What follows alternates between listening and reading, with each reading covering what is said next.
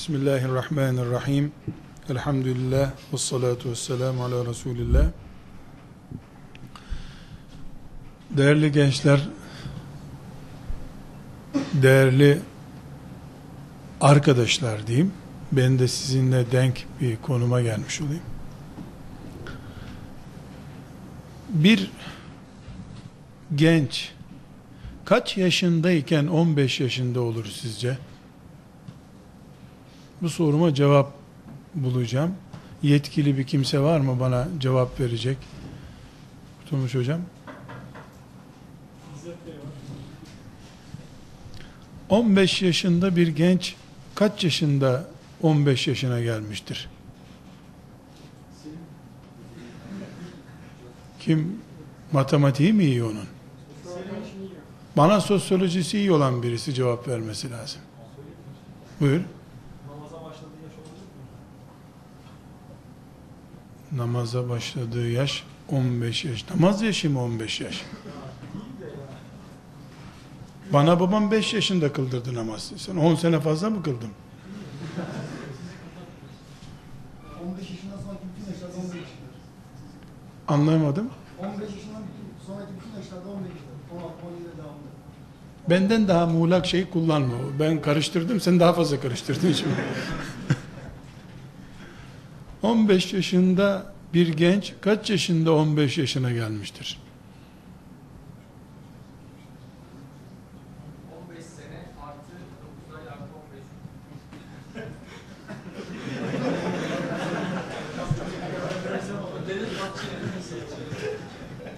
Yok fena bir hesap değil ama güzel. Arkadaşlar işi uzatmayalım. Buradan kavga mavga çıkmasın sonra. Kesinlikle bu ailenin kullandığı takvime bağlı.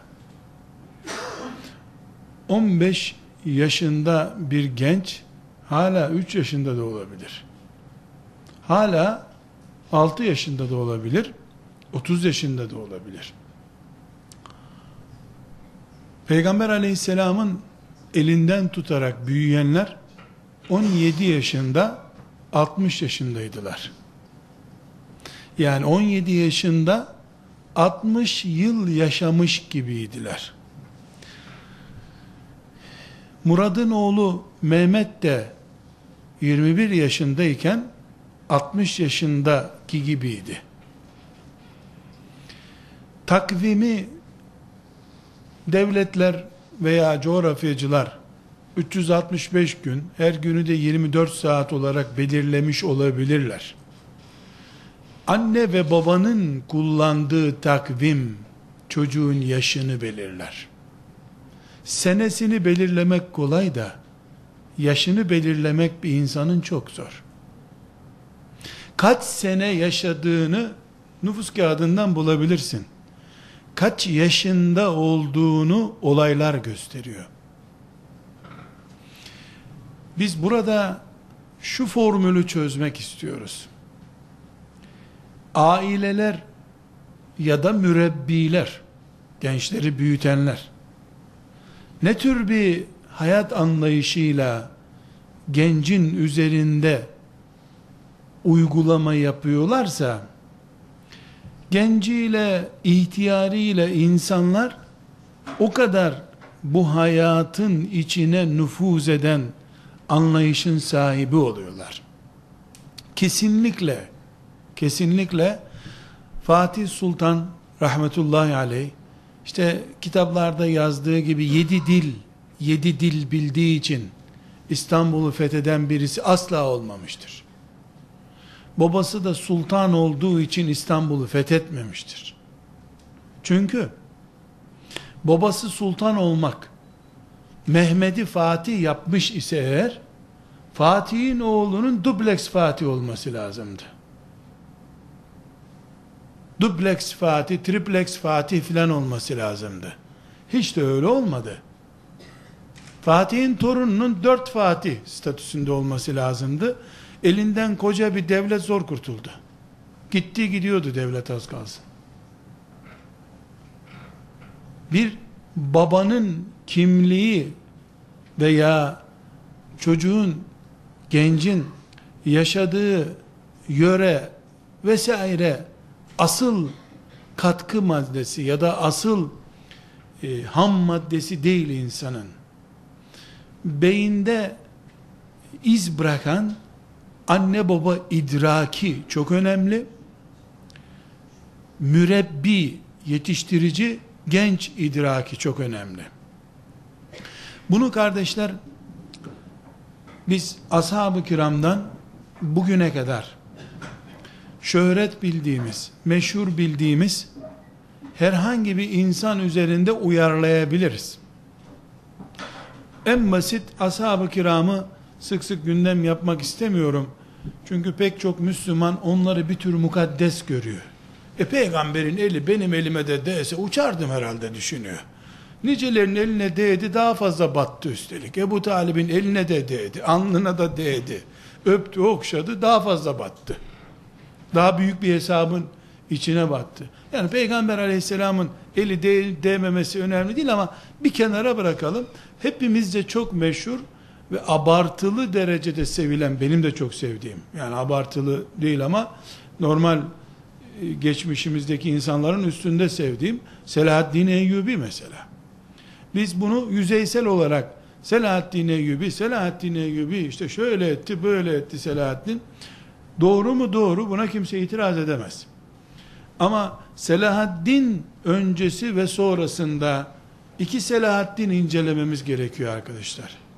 Birincisi ümmeti Muhammed'i Fatimilik gibi bir beladan kurtaran ve Haçlıları denize fiilen döken ve ayağını uzatıp e, öp bakayım ayağımı dese İngiltere kralının ayağını öpeceği konumlara gelmiş olan bir Selahaddin bir de bıraktığı mekanizma yüzünden Müslümanların 30'dan fazla eyalete bölünüp parça parça olduğu ve Haçlıların, Moğolların elinde perişan olduğu bir e, Selahaddin proje mimarı olarak Selahaddin. İki Selahaddin var aslında. Ama biz genelde tarihteki insanları en sivri noktalarından yakalayıp ya batırıp ya da çıkarma e, mantığıyla hareket ettiğimiz için Selahaddin'i bir türlü biz hatalarıyla görmüyoruz.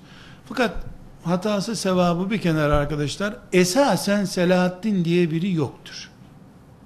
Tarihte var olan Nureddin Zengi'dir. Selahaddin'i bebeklik günlerinden alıp bir proje ürünü olarak yetiştiren adam ne yazık ki tarihte bilinmiyor.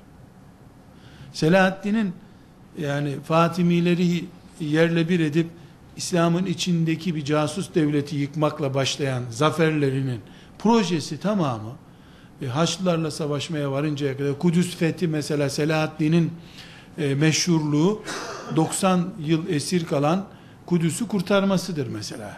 Kudüs'ü ikinci defa fetheden Ömer bin Hattab'dan sonra radıyallahu anh ikinci defa fetheden bir adam Selahaddin Eyyubi. Ama arkadaşlar ortada bir gerçek var. Elindeki projeleri tatbik eden bir şef statüsünde Selahaddin aslında.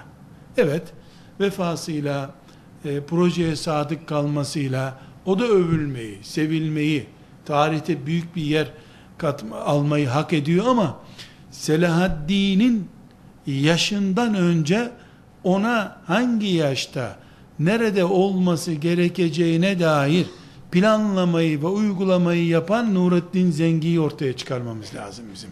Allah ikisine de rahmet etsin. ikisine de rahmet dileriz. Ama Nurettin Zengi'nin e, benzeri bir siyaset adamı oturduğu yerden 200 yıl sonrasının planlarını yapabilecek. Bunun için çocukluğundan itibaren bir yetim çocuğu alıp yetiştirecek. Buna şu günleri planlıyorum, filan yerde böyle yaptıracağım diye. Yani bir çocuğu iki aylıkken himayesini alıp onu 25 yaşında filan yere göndereceğim diyecek adam dünya tarihinde az. İslam tarihinde de bize ulaşan bilgilere göre çok böyle örneği yok. Her halükarda konumuz Selahaddin Eyyubi konusu değil arkadaşlar. Nurettin Zengi'yi de anlatmıyorum ama bir çocuk 15 yaşındayken kaç yaşında 15 yaşına gelmiştir sorusunun bilmecesinin cevabını veriyorum. Bu annesi babası onu ne zaman 15 yaşı kıvamında görme planları yaptıysa o zamandan itibaren o yaşa gelmiştir o. Arkadaşlar bir annenin, bir babanın, bir vakıf sorumlusunun, bir yurt görevlisinin yani bir insanın sorumluluğunu üstüne alan birisinin en büyük hıyaneti hıyanet kelimesini bilerek kullanıyor. Hıyanet nedir? Yani bir işi yanlış yapmak, e, ters yüzdürmektir. Bir sorumlunun en büyük hıyaneti o sorumlusu olduğu kişinin günü üzerinden hesap ve yönetim yapmasıdır. Anne ve babanın bir çocuğu, iki aylık bir çocuğu, iki ve üçüncü ayları içerisindeki süreç için düşünmesi, annelik babalık açısından bir hıyanettir. Bir üniversite yurdu müdürünün veya bir vakıftaki e, görevlinin e, elindeki 20 yaşındaki 20 tane gencin e, 20. yaşlarına yönelik planlar yapması yöneticilik değildir. Bu ümmete ait yöneticilik tarzlarından değildir.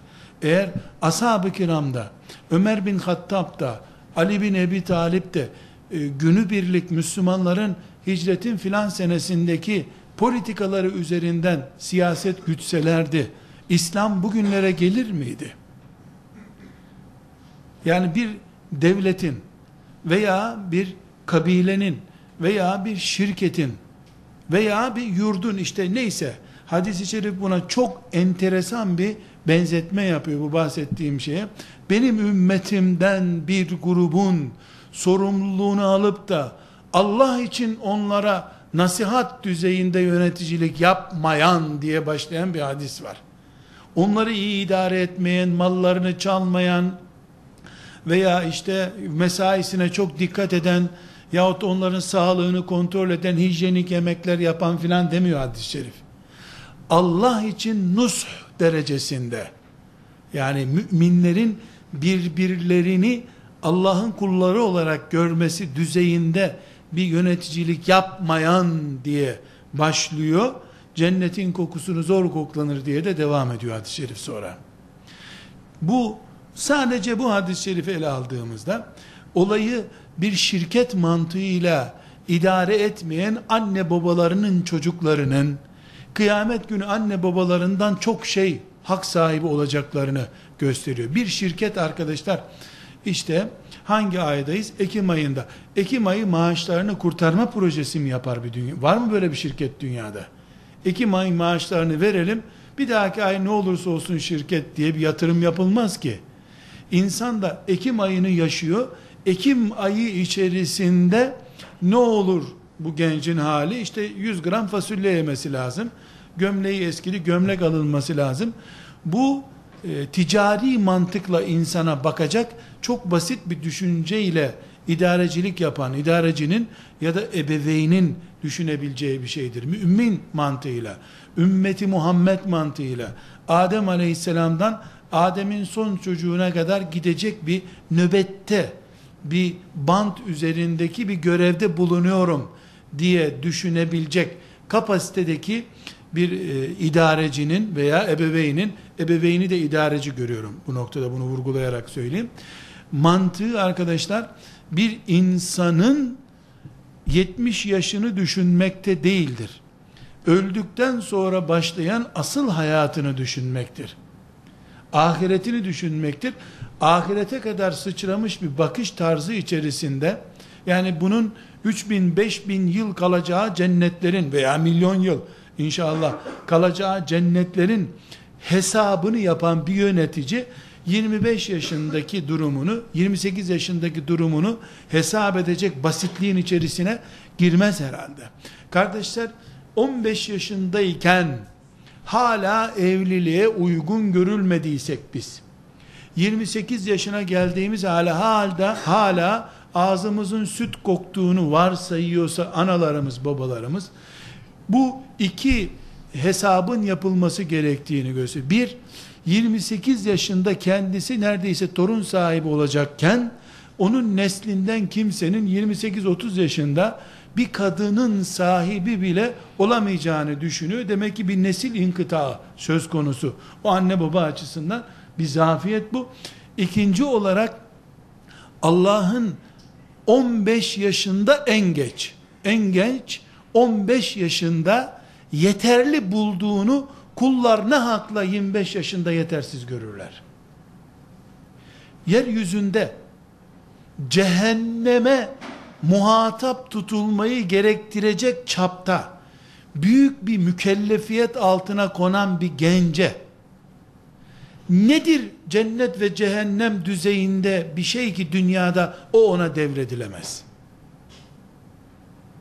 Yani bir gencin 15 yaşında ebedi cehennemde kalması söz konusudur. Hatta 13 yaşında, 12 yaşında bali olması halinde 13 yaşında bile ebedi cehennemde kalması söz konusudur. Bu ne İmam-ı Azam'ın iştihadıyla sabittir, ne Efendimiz Aleyhisselam'ın iştihadıyla sabittir. Bu Allah'ın kitabının hükmü bu.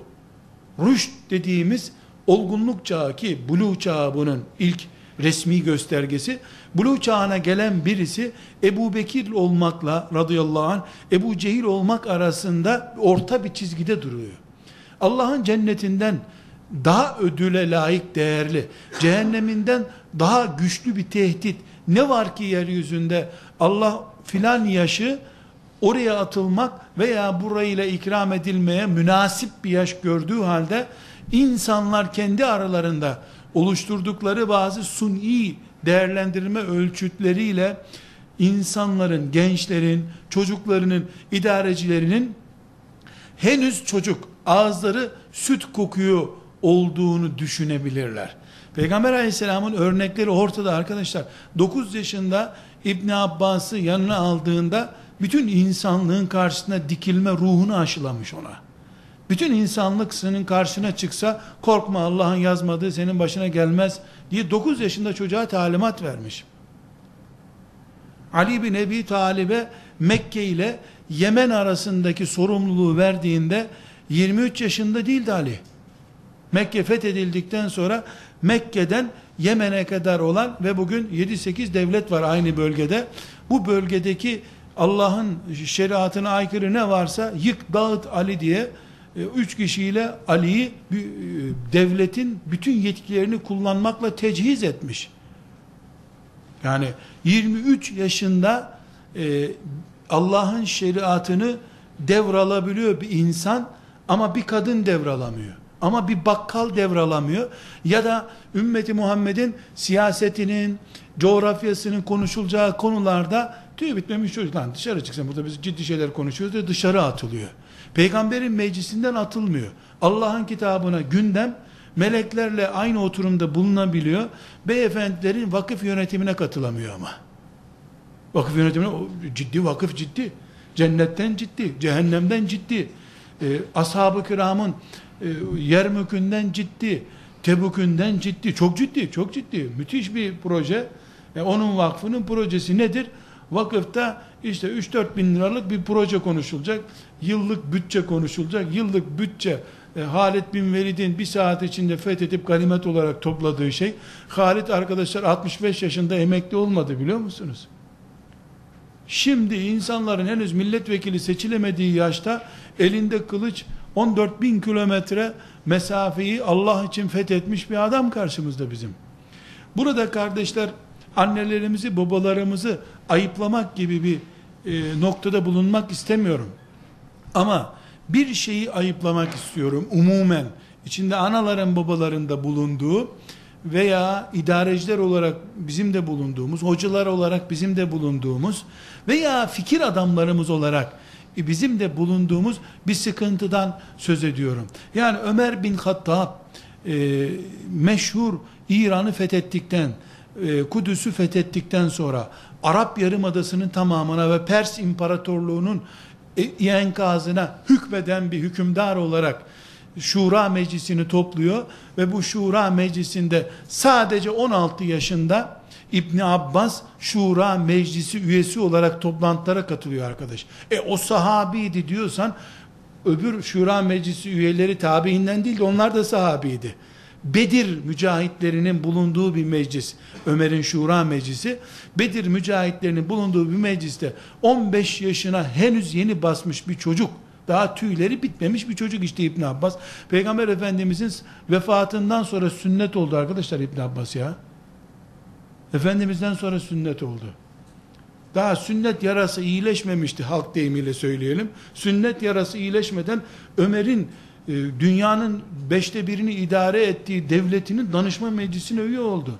Hafif dudak bükmek isteyenler de Ömer'in e, karşılaşın o zaman karşılaşın bakalım hanginiz daha iyi yönetici olabilirsiniz deyince hepsi pes etmişler. Yani bu mantıklı bir ümmetiz biz. 15 yaşında 15 devleti idare eden bir meclisin üyesi olabiliyoruz ve parmak kaldırınca sus diyemiyor sana kimse. Konuşabiliyorsun. 17 yaşında da dünyanın ikinci büyük imparatorluğunun karşısına çıkacak bir orduya komutan tayin ediyor seni. Peygamber Efendimiz sallallahu aleyhi ve sellem. Ve emrine verdiği insanların kimi 50 yaşında, kimi 60 yaşında. Ebu Bekir Üsame'nin ordusunda er olarak görev aldığında 61 yaşındaydı arkadaşlar. Üsame de 17 yaşındaydı. E Kur'an'ımız 21 yaşında bir çocuğun elinden bize ulaştı. Zeyd radıyallahu anh 21 yaşındayken Kur'an'ı toplayıp kitap haline getiren komisyonun başına geçti. Benim başıma bunu vermeyin diye itiraz edince de senden iyisi yok bu ümmetinden de. Kimse onun yaşına başına bakmadı. Bu ümmet küçücük çocuklardan büyük adamlar yetiştirmeyi planlayan bir ümmettir. 15 yaşında Allah'ın dağlara yüklediğinde vadilere yüklediğinde biz bu yükü kaldıramayız diye tir tir titredikleri Kur'an emanetini 15 yaşında resmen yüklenebiliyor bu ümmetten bir genç. Eğer ashabın veya Selahaddin'in zamanındaki Müslümanların gençlerinin La ilahe illallah sloganı bunu söyleyişleri onları dağların kaldıramayacağını kaldıracak kapasiteye getiriyor da biz hafız olduğumuz halde İmam Hatip mezunu olduğumuz halde bir sürü de filan imtihanda iyi puan aldığımız halde hatta KPSS imtihanına girdiğimizdeki full puan aldığımız halde hala bir Müslümanın kızını idare edemeyecek. Hala bir vakıfta idareye giremeyecek durumdaysak hangi la ilahe illallah sorunu var ortada ya da kim neye iman ediyordu farklı bir şeye mi iman ediliyordu gibi soruların cevabını bulamayız arkadaşlar. Annelerimiz babalarımız bizim için çok iyi iş ortamları çok e, iyi okul şartları, çok iyi gelecekte kiramız olacak, işte kiramızda geçineceğimiz daireler filan ayarladılar ama büyük kafa ayarlayamadılar bizim için. Maalesef bizim ümmetimizin zekatıyla, fitresiyle, sadakalarıyla kurulmuş kurumları idare edenler, bir yerde müdür, bir yerde şef, bir yerde yönetici, bir yerde kamp başkanı veya filan görevi alanlar da o gündeki maaşlarını helal ettirmeyi, o gün mesela geç gelenlere kapıyı kapatmak, ondan sonra yemekhanede fasulyenin dökülmemesini sağlamak, onların maaşının helal olması için yeterli olacağını vehmettiler. Ama Nurettin Zengi gibi 20 sene sonra Kudüs'ü fethedecek, fethedecek adam olarak planlıyorum bunu diye bir genci yetiştiremedi. Hatta bir genç kazara 20 sene sonra inşallah filan yerde şu işi yapacağız deyince kıs kıs gülüp biz de gençliğimizde böyle hayaller kurardık. Oğlum hayat başka, roman başka diye onun sukutu hayale uğramasını, küçük kalması için zımnen baskı yapmayı nezaket, tavsiye, ağabeylik olarak gördüler. Biz hayal ediyorduk yapamadık. Sen hayal et inşallah yaparsın. Gel seni alnından öpeyim diyemediler büyük görmek onlara yakışmaz düşündüler. Büyük düşünen genci de saygısız buldular. Büyüklerin yanında ne biçim konuşuyorsun sen ya? Dediler. Bu tenkidime kim muhatapsa ben ona söylüyorum. Anneler, babalar muhatapsa anneler babalar içindir bu sözüm. Ümmeti Muhammed'e ait bir yeri günlük idare ile idare edip ümmetin 30 sene sonrasını 50 sene sonrasını planlayamayan ve bunun için bir istişare etme ihtiyacı da hissetmeyen bu hususta ilave fikir verenlerin fikirlerini gereksiz yani olmasa da olur gören herkes buna muhataptır. Kesinlikle vefat ettilerse ahirete mesul olarak gitmişlerdir. Eğer bir Kur'an kursunda, bir İmam Hatip Lisesi'nde görevli bir öğretici karşısında diktiği çocuğu Allah'ın kitabını ezberlesin diye yetiştiriyorsa, namazın şartlarını öğrensin diye yetiştiriyorsa bu yetersiz öğretmendir. Yetersiz hocadır, yetersiz görevlidir. Neden? E bu çocuk alfabeyi çözdükten sonra kendi gayretiyle de zaten Kur'an'ı öğrenebilir. Bizim vazifemiz sadece özellikle sadeceyi vurgulayarak söylüyorum. Sadece Kur'an okuyan bir nesil olmak mıdır? Yoksa Kur'an'ı öbür nesle taşımak diye bir derdimiz de mi var bizim? Ashab-ı kiram çok iyi Kur'an okuyan insanlar mıydılar? Musab bin Ümeyr çok iyi hafız mıydı? Ömer bin Hattab çok iyi fıkıh mı biliyordu sadece? Hayır. Onun üzerinden ilim öbür tarafa sıçradı. Kur'an-ı Kerim bir sonraki nesle taşındı. Oturup da Peygamber aleyhisselamın mescidinde ah peygamberim ah peygamberim benim deyip sabaha kadar gözyaşı dökselerdi. Kabe'nin duvarına yapışıp ayrılmam senden ey Kabe deyip cesedin burada kalacak deyip cesetleri fiilen orada ölseydi ashab-ı kiramın bir de Kabe'nin dibinde şehit olmuş 120 bin sahabi diye anıt mı dikecektik şimdi? Bize ne Kabe'nin dibinde öldülerse? Önceki peygamberlerin havarileri Musa aleyhisselamın yanındakiler onu yaptılar. Ah Musa, vah Musa, ah Musa, vah Musa. Bu sefer sapık Samira'yı bilmem ne geldi. Yeni bir din çıkardı ortaya. Ama Ebu Bekir öyle yapmadı arkadaşlar. Sevdiği ve uğruna bin kere en azından bin kere rahat ölüme doğru koştuğu peygamberinin naaşını orada bıraktı. Bu burada beklesin dedi. Nere gitti? Önce ümmetin geleceğini düşünelim dedi. Göğüs göğüse mücadele edip ensarla bu ümmetin geleceği önemlidir dedi. Sonunda kendisi seçilen bir e, maraton yapıldı. Ümmetin lideri belli oldu. Mescide geldi. Ey insanlar hala peygamberin cesedi yok ortada. Ey insanlar en hayırlınız olmadığım halde bir kader sonucu sizin başınıza geldim. İyilik yaptığım sürece bana destek olun. Kötülük yaparsam beni bu görevden alın. Bilin ki benim yanımda güçlü diye biri yoktur. Haklı vardır diye meşhur özetleyeceğimiz konuşmasını yaptı. Herkes gelsin beyat etsin şimdi dedi. Tamam seni kabul ediyoruz, kabul ediyoruz, kabul ediyoruz dendi. Fırka olma, bölünme ihtimali kalkınca ortadan Allah'ım sana hamdolsun dedi. Şimdi gelin peygamberimizin naaşını kaldıralım dedi. Ne kadar ayıp bir şey değil mi? Peygamberinin cesedi orada bekliyor, sen siyasi çalışma yapıyorsun. Kendi geleceğini ayarlıyorsun. E, basit göre, günü birlik gören için peygamberin naaşı önemli. 1500 sene sonra emperyalizmin karşısında İslam'ı koruyacak nesilleri düşünen kafa içinde peygamber öldü, ona tapınanlar ilahları gitti. Allah'ın kulu olanlar bilsin ki Allah hayyü kayyumdur deyip Ömer'in bile yakasına yapışan adam İslam'ı bugünlere getiren adamdır arkadaşlar. Allah ondan razı olsun. Adamlığın zirvesi. Ebu Bekir o gün ah peygamberim ah mağara arkadaşım neydik o mağaradaki günler hatırlıyor musun Sevri ah canım peygamberim demeye vakit bulamadı açtı sadece yüzündeki örtüyü tıpte hayyen ve meyyiten ya Resulallah dedi ölün de güzel dirin de güzel dedi kapattı gelin arkadaşlar İslam'ın geleceğini planlayalım dedi sadece iki kelime tıpte hayyen ve meyyiten tıpte hayyen ve meyyiten Ölün de güzel, dirin de güzel ya Resulallah. Bu kadar. Ah peygamberim, vah peygamberime vakit yok çünkü. E, din bu arkadaşlar. Böyle yapanların elinden din bin sene sonra, iki bin sene sonraya gidiyor. Yani bir Müslümanın hantal bir şekilde oturup sabahlara kadar ibadet etmesi göklerden afet düşme nedenidir. Gençleri yetiştirirken veya gençler üzerinde e, çocuklar üzerinde, anne babalar açısından çocukları üzerinde veya sorumlu olanlarda e, gençler üzerinde hesap kitap yaparken 200 sene sonraki insanlığın hesabını yapanlar bu ümmette Ebu Bekir damarı taşıyan insanlardırlar.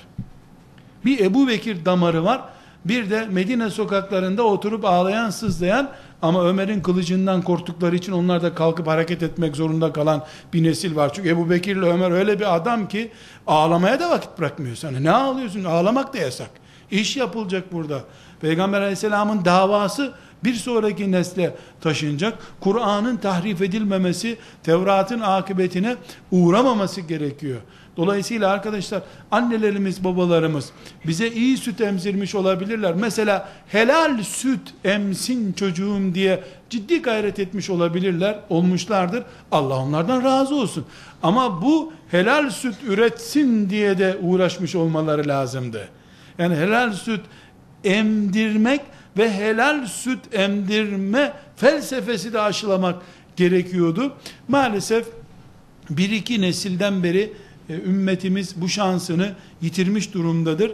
Biz arkadaşlar ben abiniz olarak siz e, yaşı 20 ile 30 arasında olan genç kardeşlerim olarak biz bu acıyı ya kendimiz üzerinde ya kardeşlerimiz üzerinde ya da evimizdeki diğer efrad üzerinde çok rahat hissedebiliriz bunu.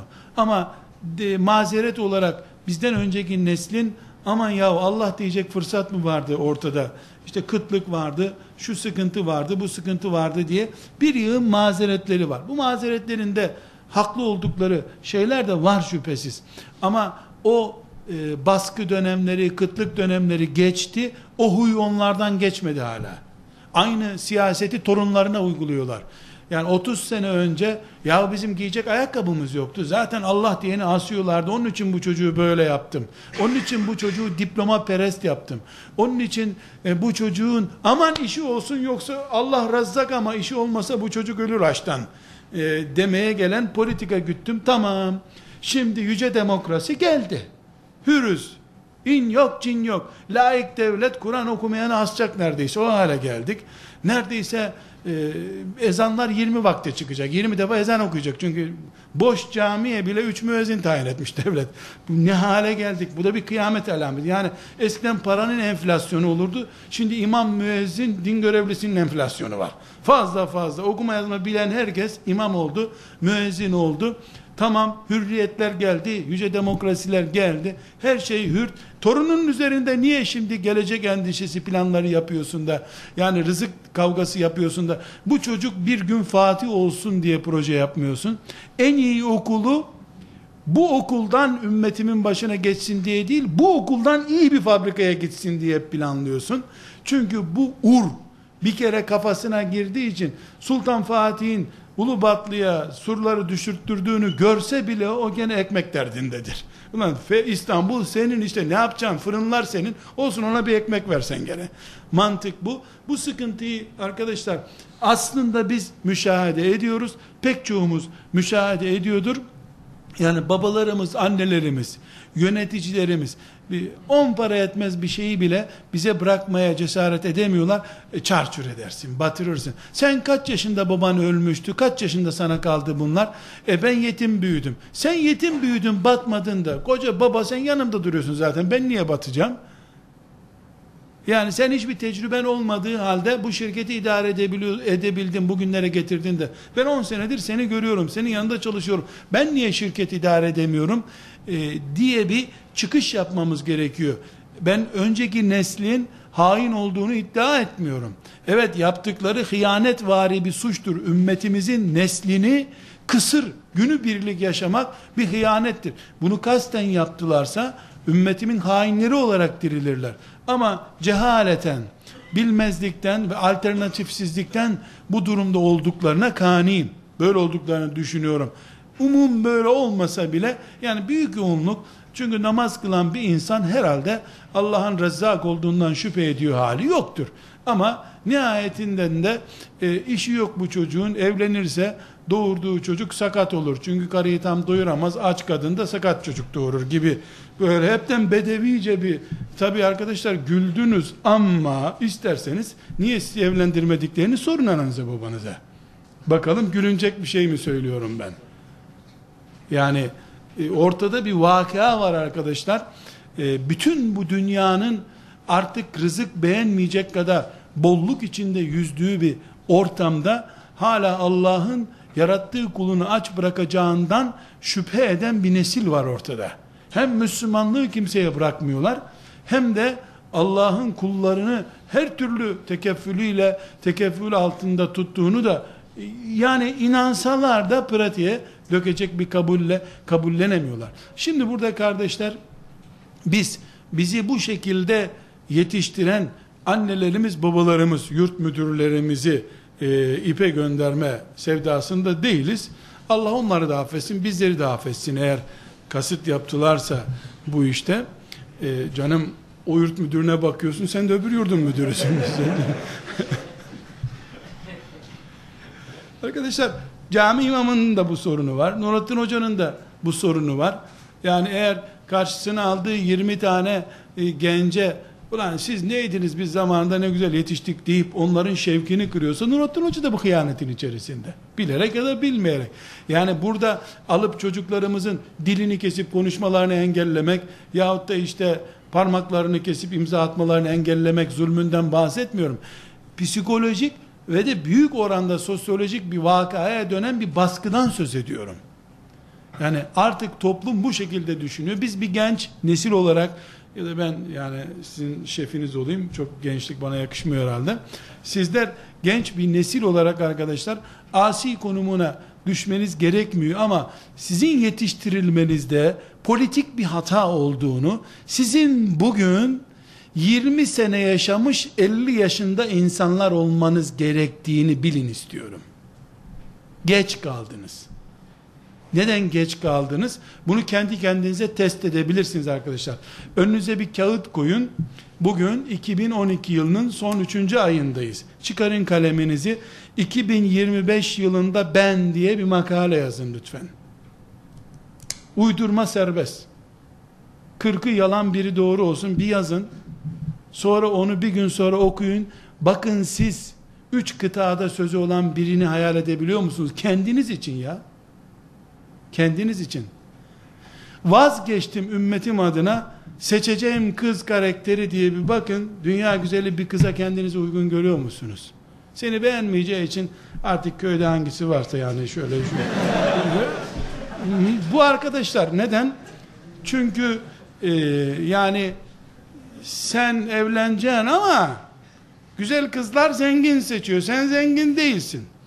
E işte çok varlıklı kızlar filan mühendisi istiyor. Sen o mühendisten değilsin.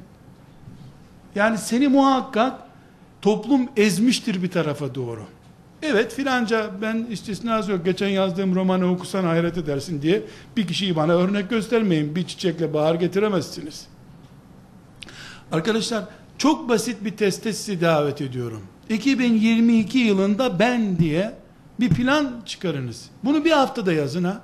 Benden ruhsa bir hafta bir hafta sonra bu yazıyı bitirmiş olun. Yani her akşam bir şey diz. 2014 e, Amerika'ya son uyarımı yapıyorum. 2015 İngiltere'ye haritadan çık, haritada fazla görünüyorsun. 2016 futbolu kaldırıyorum. 2018 Besmele ile başlamayan internet şebekesine açıklan, açılma yasağı getirdim. Yaz ya, yaz arkadaş. Bak birazını uydurdum. Katkım olsun size. Yaz ya. Sevdiğin kızı yaz, sevdiğin erkeği yaz. Yani kızsan erkeği yaz, sevdiğini yaz arkadaş. Arkadaşlar çok çabuk gülüyorsunuz siz. Benim bu konuşmamı bayanlar da dinleyecek, onlara da hitap etmem gerekiyor. Dünya hep erkeklerden ibaret mi? Müdürlük böyle işte. Dünya hep erkeklerden ibaret zannettirmiş. Arkadaşlar şu karalamayı yapalım. Ondan sonra bunu bir psikoloğa götürelim. Eğer psikolog da bizim mantığımızda yetişmiş birisi ise hemen acil servisi arayıp bu sapı alın içeri. Lan bu interneti bile kaldıracağını yazıyor diyecek. Ama büyük kafalı bir psikologsa en azından bizi çağıracak. Şimdi bunlardan uygulanırlık oranı belirle diyecek. Yüzde kaç? Uygula. 12 madde belirlemişsin sen işte internet her şebeke besmeleyle açılacak. Kadınların başörtüsünün rengi belli olan fotoğraf dünyanın hiçbir yerinde internette olmayacak. Bunu sağlayacağım. Öyle bir virüs geliştireceğim. Kadın kaşı görülünce otomatik çöküyor internet sitesi. Niye güldünüz arkadaşlar ya? İnterneti icat etmekten zor mu bu? Ben siz hiç mi teknolojiden anlamıyorsunuz? Bu internetin bu hale gelmesinden daha zor bir şey mi bu virüsü çıkarmak?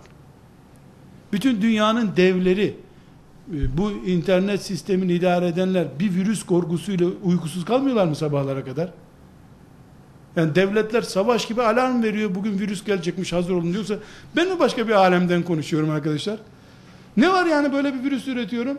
Sitesinde kadın resmi olan veya haram bir cümle kullanan ya da alkol ilanı bulunan site çökecek. 40 yıl bir daha site açamayacak o. Bitti. Ya Allah Allah olacak olmayacak önemli değil. Benim kimliğimi gösteriyor bu. Neyin peşinde koştuğumu gösteriyor. Öbür taraftan işte 4 yıl fakülte bitiyor inşallah. Fakülte bittikten sonra babama gidiyorum. Baba master imkanları çok zor. Hani annemle bir şey konuşuyordunuz siz ne oldu o iş falan. İşte babam da diyor ki oğlum emekliliğime 4 sene var. 4 sene daha sabret o parayla senin düğünü yapacağız. 4 sene daha karar veriyorum. Bunu yaz tamam buna razıyım. Madem benimki ağır geldi. Bunu yaz. Hiç olmasın senin 12 sene sonra evleneceğini bilelim de yani ona şükrederiz. 12 sene çok uzun bir rakam değil. Görmem ben ama gören görür. Arkadaşlar biz geri bırakılmıştık. Bizi büyük kafalı yetiştirmemişlerdi gibi bir özrü Allah'a sunamayız. Musab bin Ümeyr sunamadı böyle bir özür. İpekperest bir anam vardı demedi. Attı anasını ipeksiz dünyadan ipekli cennete gitti. Yani biz reşidiz Allah'a göre. Yani irademiz var. Beynimiz var. İmtihana giriyoruz. Bir milyon insanı geçip filan dereceyi kazanıyoruz. Ben benim. Madem ben benim küçük bırakılmış olmayı, büyük kafalı yapılmamış olmayı Allah'a özür olarak götüremem. Ne zamana kadar olabilir bu? Ben işte 15 yaşından öncesi için ne yapayım kısa pantolon giydirmişlerdi bana derim.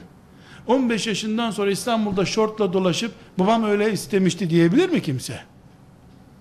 Beynimizin küçük bırakılmasını büyük insanlar, büyük hayallerin peşinde koşan biri olmamayı da Allah'a sunamaz kimse.